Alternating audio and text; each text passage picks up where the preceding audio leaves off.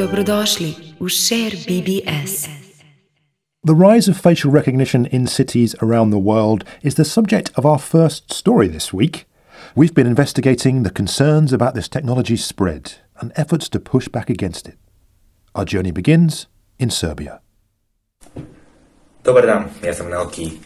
Na ovom kanalu ja često predstavim besti iz Japana, ali danas ću da pričam o besti iz Srbije. Znači, ovo je besti sa N1 i čitao sam da je Beograd prvi u Evropi, ceo pod kamerama.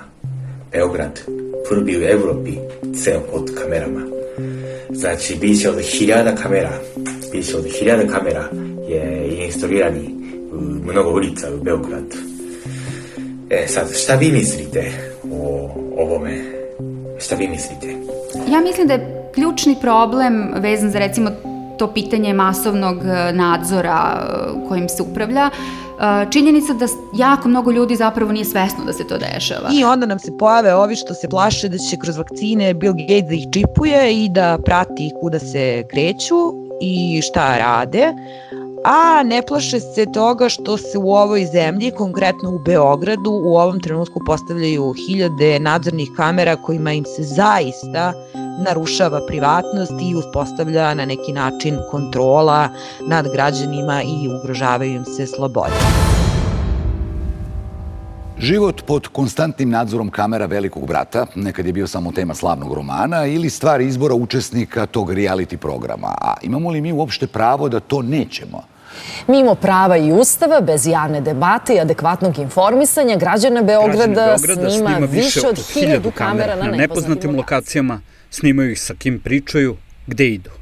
The spread of surveillance cameras across Serbia is concerning, but not simply because of their prevalence.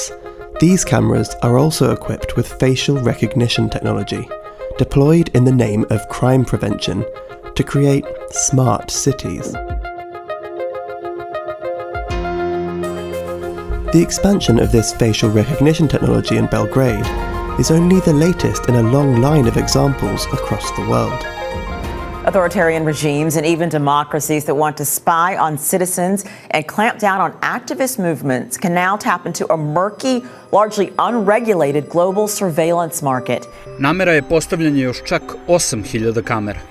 Pametna tehnologija masovnog biometrijskog nadzora omogućava i prepoznavanje naših lica i analizu naše kretanja, narušavajući na taj način pravo na privatnost svakog građana. Samim tim saznanjem da su ljudi sve vreme nadzirani, njihova prava su ograničena, njihovo izražavanje i njihovo ponašanje će biti drugačije. And you know, essentially it sort of changes your feeling about how you go about your life potentially. You might not go to a rally or a protest. And it's also a tool that's just extremely suitable for sort of setting up an architecture of control. Jedan deo javnosti je na to reagovao. Inicijativa Hiljade kamera zalaže se za zabranu biometrijskog nadzora u Srbiji i pokrenula je kampanju. Kampanju Ne snimaj mi lice pokrenule su organizacije za zaštitu ljudskih prava u digitalnom okruženju, Share fondacija iz Beograda u koaliciji sa Evropskom mrežom za digitalna prava EDRI. I više evropskih i svetskih organizacija pokrenulo je kampanju za zabranu masovnog biometrijskog nadzora u javnim prostorima evropskih gradova. Og samtidig med, at de så begyndte at dukke op, så øh, var der en organisation, der hedder Share Foundation, der startede en kampagne, der hedder Hilja de Camera, det betyder 1000 kameraer, hvor at øh, de bad borgerne om at The hjælpe. Share Foundation recently started a campaign called Millions of Cameras. And as I understand, you're planning to set up a million cameras all around the Belgrade to celebrate the New Year's, right? Serbien könnte bald zum Überwachungsstaat werden, fürchten sie. Solche Kameras sind für sie der Beweis. Ein intelligentes System, das Gesichter und Personen identifizieren kann. Das Problem ist, dass die Bürger darüber nichts Dve wissen. Sie wissen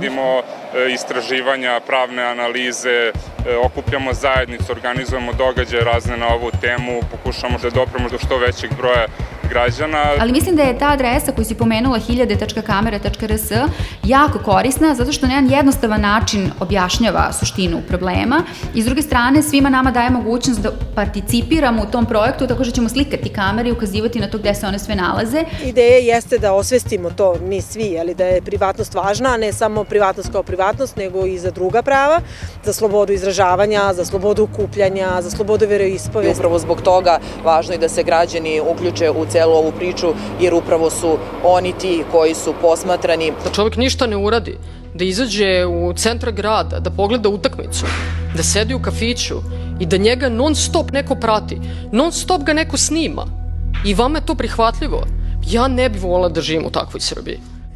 Zato ne znam zašto Beograd treba da ima mm, kamere da nadođire, nadođire ljude, ali mislim da je ロシェアコシェフイリガズナモーラガスタビカメルダナドジレイコントロリシェイフ